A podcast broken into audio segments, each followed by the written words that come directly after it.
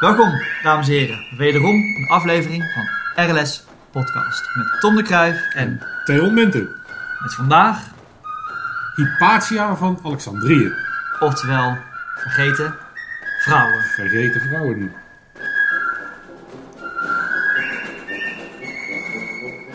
Tom, als ik jou vraag, Hypatia van Alexandrië. Wat komt er bij jou op?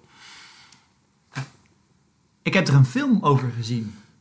Ja, er is er een Spaanse film van gemaakt en die beelden zijn ook in een BBC-documentaire gebruikt. Klopt. Dat is ook wel een beetje de enige film een beetje die ervan gemaakt is. Ja, en ik heb eh, bepaalde mensen als liefkozend Hypatia genoemd. Omdat ik weet dat Hypatia een, eh, nogal een geleerde vrouw was volgens mij.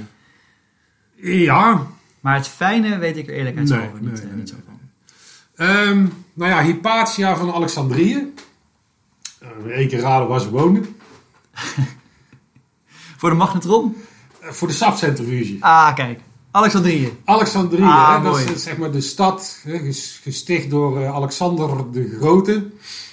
Volgens mij had hij iets van, van 17 of 19 steden gesticht die, die ook allemaal Alexandrië noemden. Hij is er na de stichting volgens mij niet meer teruggekomen, want hij is zeg maar, op de terugweg eh, ge- ge- gestorven. En eh, later wordt zeg maar, Egypte onderdeel van het, zeg maar, het Ptolemaïsche Rijk. Dus eh, de koningen Ptolemaïs de eerste en de tweede. En die zijn, het zijn een soort cultuur.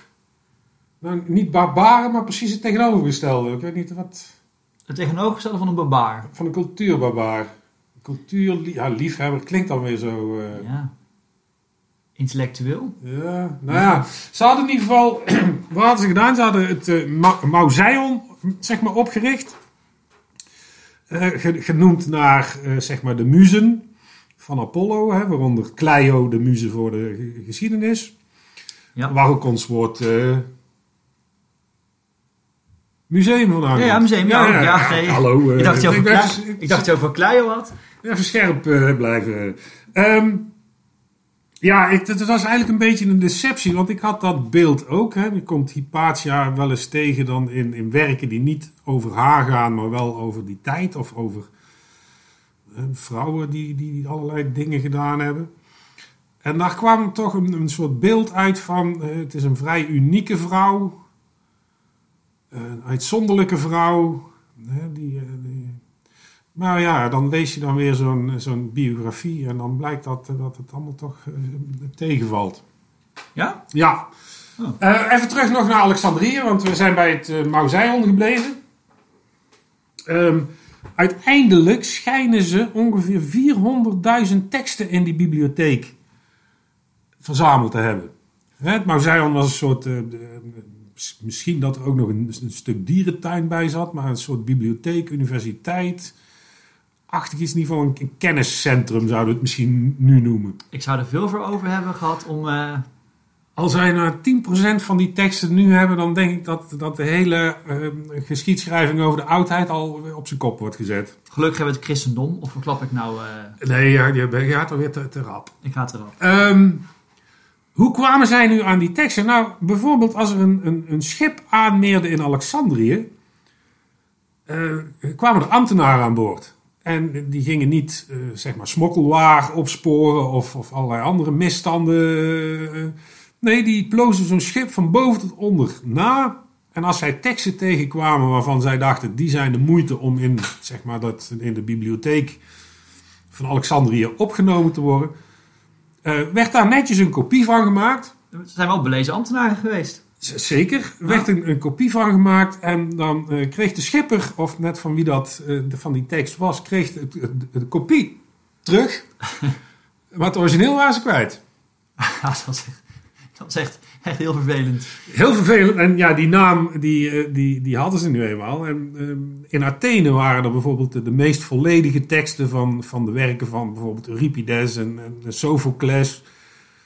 En die, die Alexandrijnen wilden maar dat ze die, eh, die teksten naar, naar Alexandrië brachten om ze daar dan ook te kunnen kopiëren. Maar die, die, die, die Atheners die vertrouwden dat niet.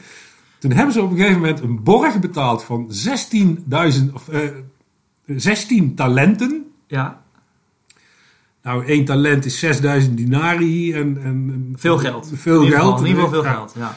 En eh, ze zijn gekopieerd op het beste perkament en be- be- versierd met zilver en gouddraden en noem het allemaal maar op.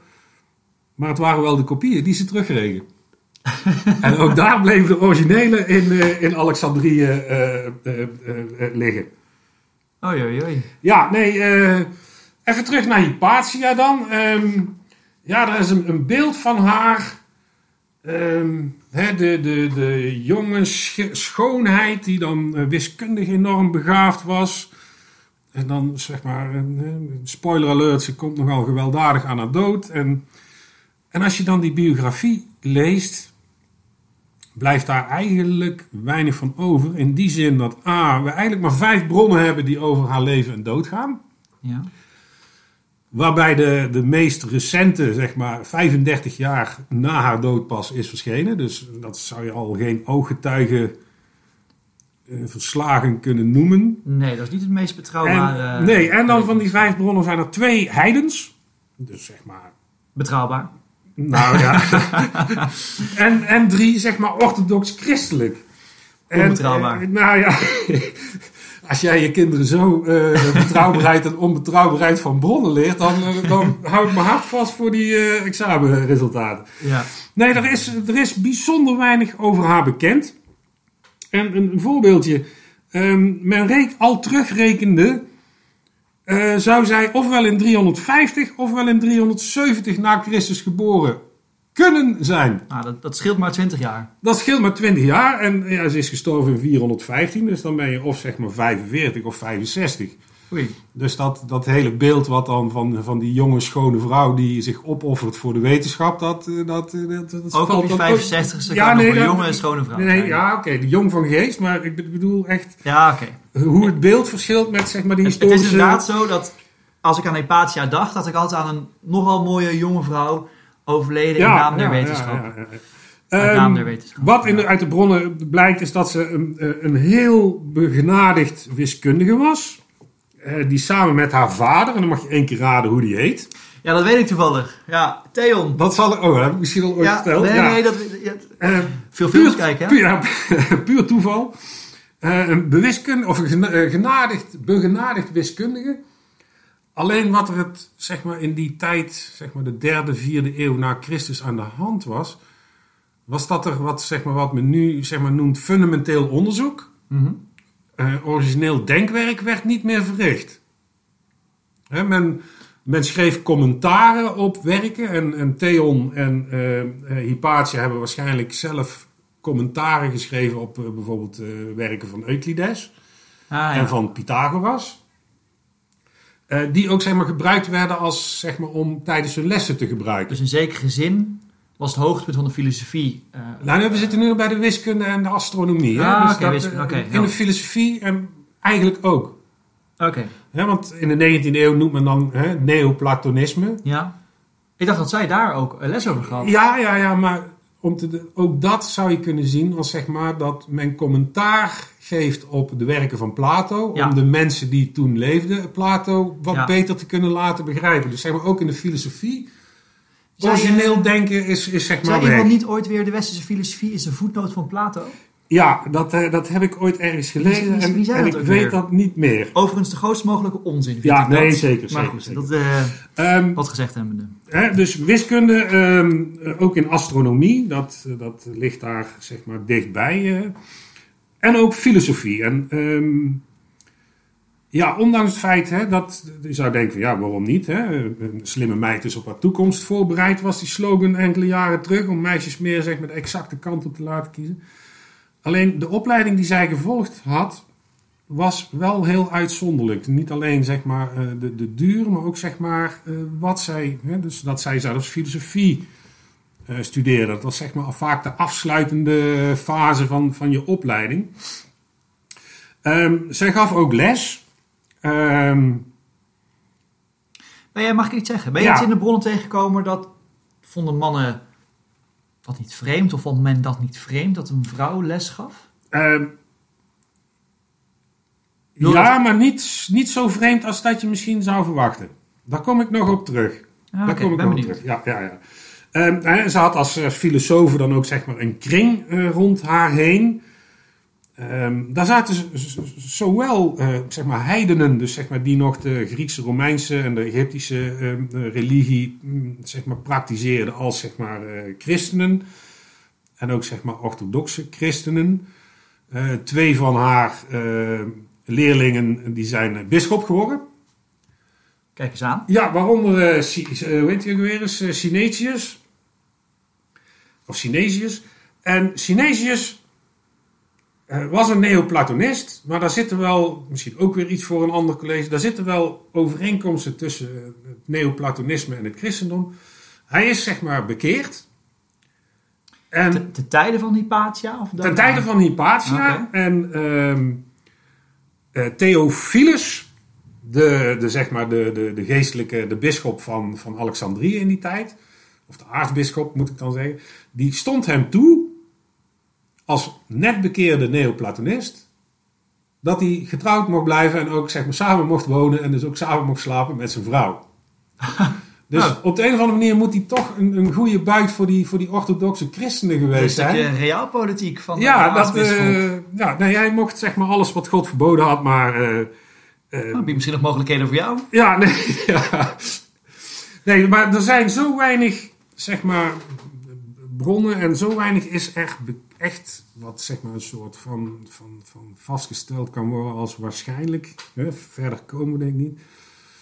Maar dat eigenlijk iedereen zijn eigen Hypatia kon maken en ook heeft gemaakt.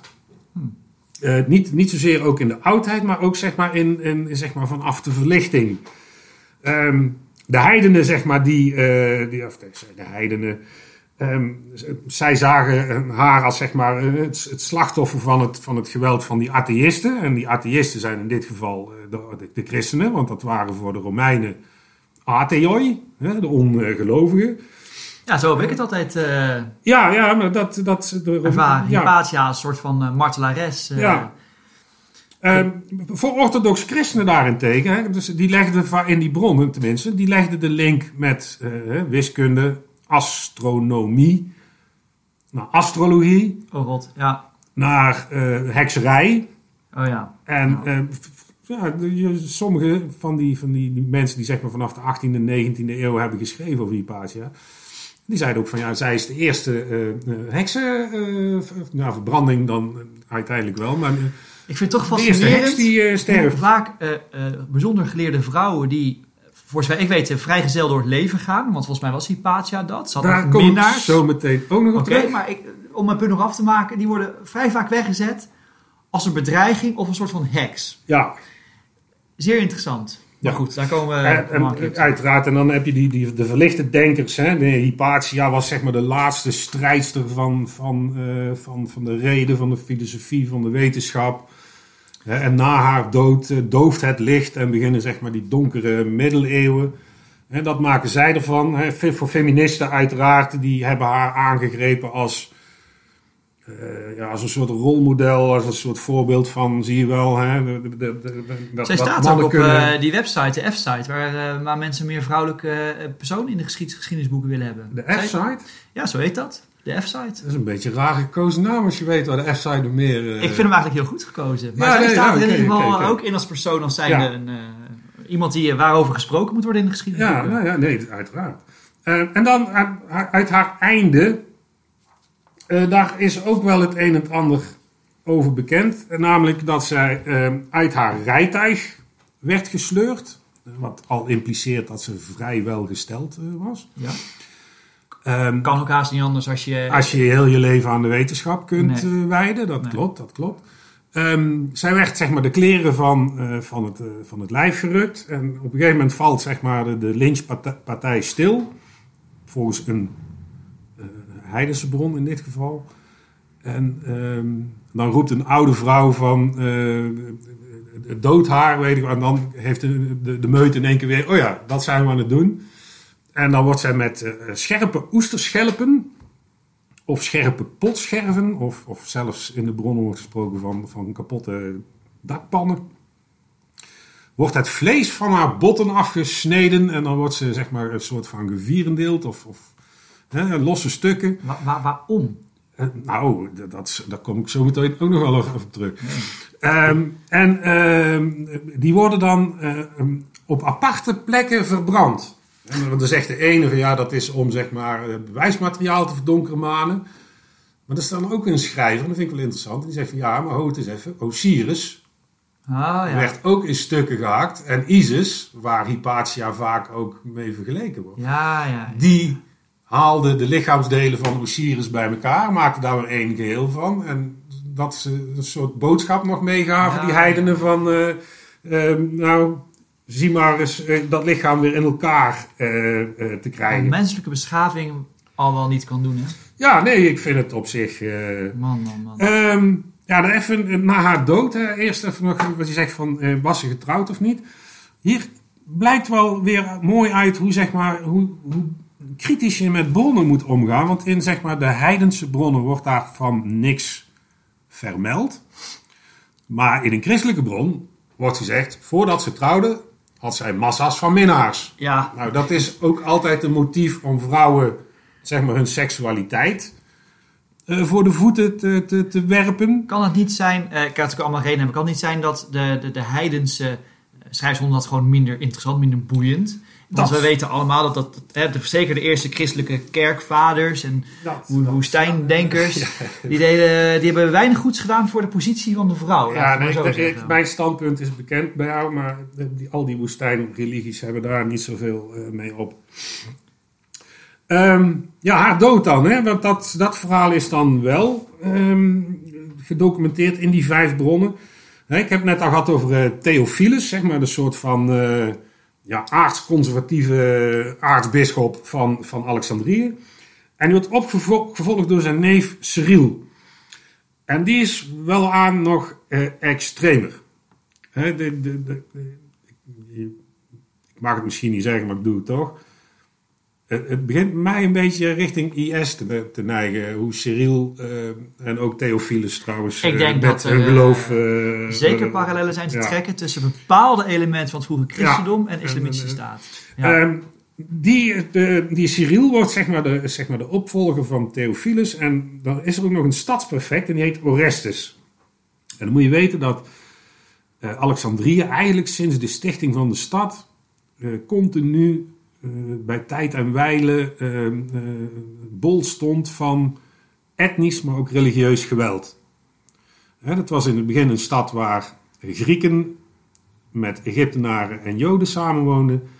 En dat eh, nou, sloeg de vlam nog alles in de pan. ja. Eh, nu komen die christenen erbij en dan zou je zeggen, oh, dan is er een vierde partij. En? Nee, die christenen eh, nou, slachten in feite ook elkaar af. Eh, dat gaat bijvoorbeeld over hè, Nestorius of de orthodoxe visie van eh, wat is de natuur van Jezus? Ah ja. Is ja. die helemaal goddelijk of helemaal menselijk? ja, dat zijn discussies waar ik me altijd kostelijk om heb Ja, ja, en dan eh, heb je dan een, een, die, die Nestorius die zei van ja, zowel goddelijk als menselijk en al naar gelang de situatie eh, knippert dat van goddelijk naar menselijk.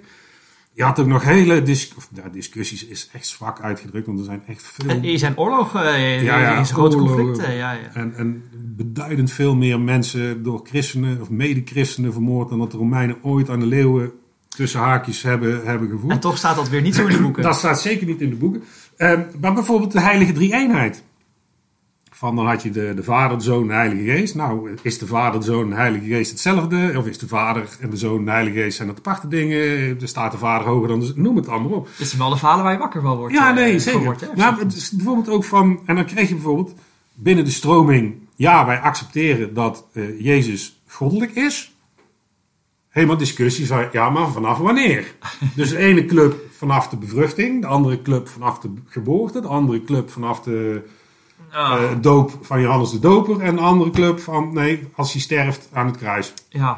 En ze sloegen elkaar echt letterlijk de, de hersens in. Laten we naar richting Hypatia gaan. Ik, eh, ja, hier horen we ook niet vrolijk van. Nee, Ehm, nu was er in die tijd spanning tussen zeg maar, de, de, de orthodoxe christenen en de joden. Wat was namelijk het geval? Hè? De joden hebben een, een, een, een sabbat.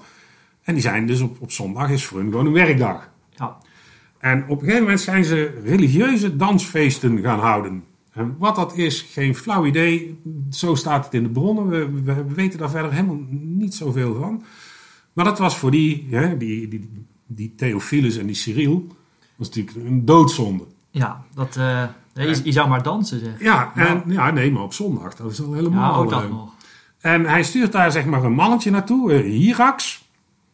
En misschien net als bij, uh, bij Olympe, een soort uh, agent provocateur, die moet daar de boel, zeg maar, uh, officieel in de gaten houden.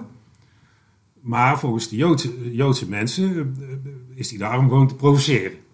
Ja. Nou, Orestes is als stadsprefect verantwoordelijk voor de, voor de openbare orde. Die arresteert die Hyrax, martelt hem en volgens mij executeert hem ook.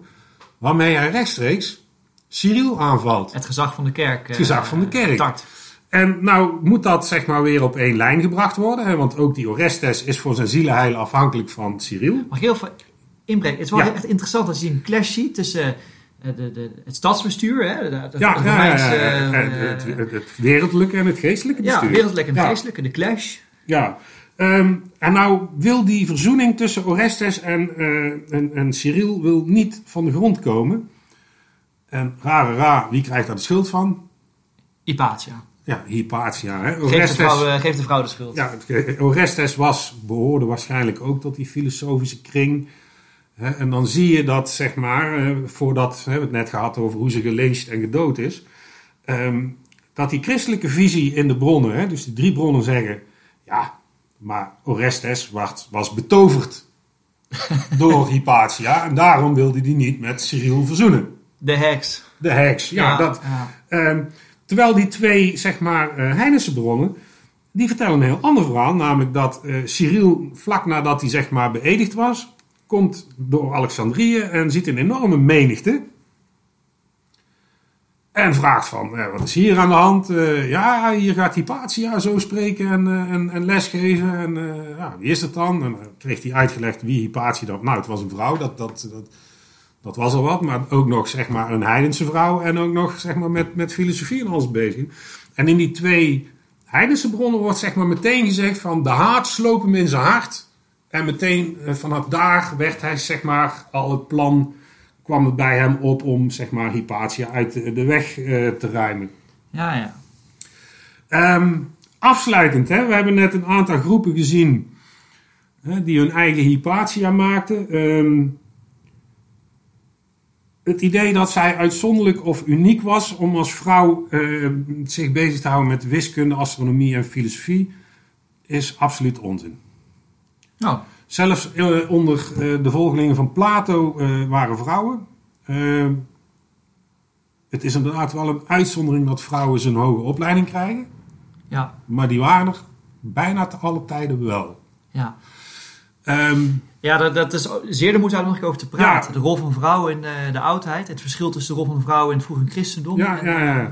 Maar, maar ook zeg maar, dat, dat idee wat, wat je dan hebt van hè, die verlichte denkers van met de dood van Hypatia dooft het licht van de kennis en de wetenschap. En, Ja. eh, en dat wordt dan eigenlijk pas weer in de verlichting volgens hun weer eh, ontstoken. Ja, dat is ook gewoon grote onzin, want ook na Hypatia is zeg maar de, de, de, de, het Mauseion en, en de, de, de scholen in Alexandrië zijn gewoon doorgegaan. Ja, dat hebben ze waarschijnlijk ook gebruikt om haar te gebruiken als soort heidense martelares tegen de, tegen de, de waanzin van eh, uiteraard, de katholieke uiteraard, kerk. uiteraard. Ja, want eigenlijk pas in 529, als eh, keizer Justinianus van het eh, dan Byzantijnse Rijk, hè, die maakt een einde aan al die, eh, die filosofische scholen in Athene. En dan is het ook in, hoe heet het, in Alexandrië vrij Dat waren nog eens treurige tijden. Ja. Overigens ook de feministes. Ja, nogmaals, zij was niet uniek, hè, maar zo wordt er dan wel uitgelicht. Waarschijnlijk ook vanwege haar gewelddadige dood. Ehm, in haar filosofische kring waren alleen mannen. En van de bekende eh, leerlingen van haar, eh, daar zitten ook geen vrouwen tussen. Ja. Wat niet wil zeggen dat ze die niet gehad heeft.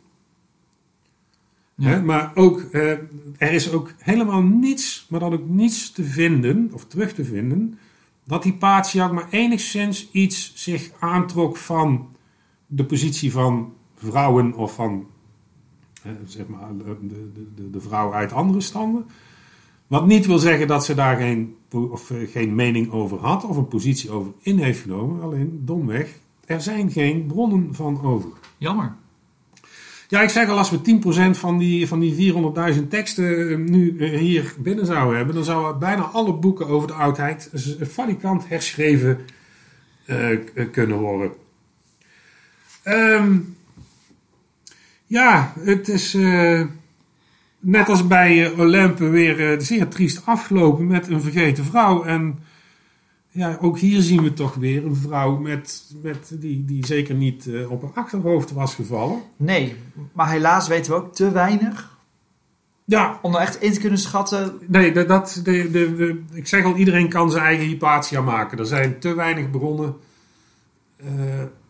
om daar echt, zeg maar, definitief eh, standpunten over in te kunnen nemen. Dus dan druk ik me maar weer heel voorzichtig uit. En wat maken wij eh, van Hypatia?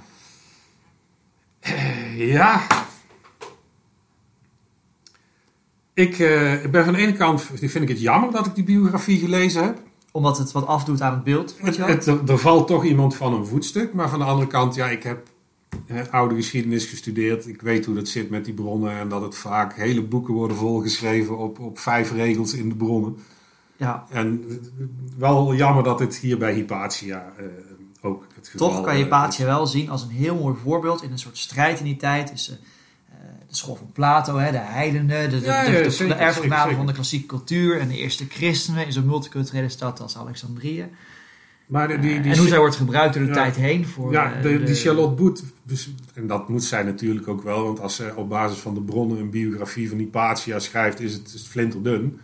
Zij beschrijft ook hoe de mensen na zeg maar, de, de middeleeuwen met Hypatia, eh, welk beeld ervan gemaakt werd. Ja, ja? En, en dan, dan lees je soms gewoon dat enkele hè, schrijvers uit de 18e en 19e eeuw dingen over Hypatia vertellen, over haar uiterlijk en over, over dit en over dat.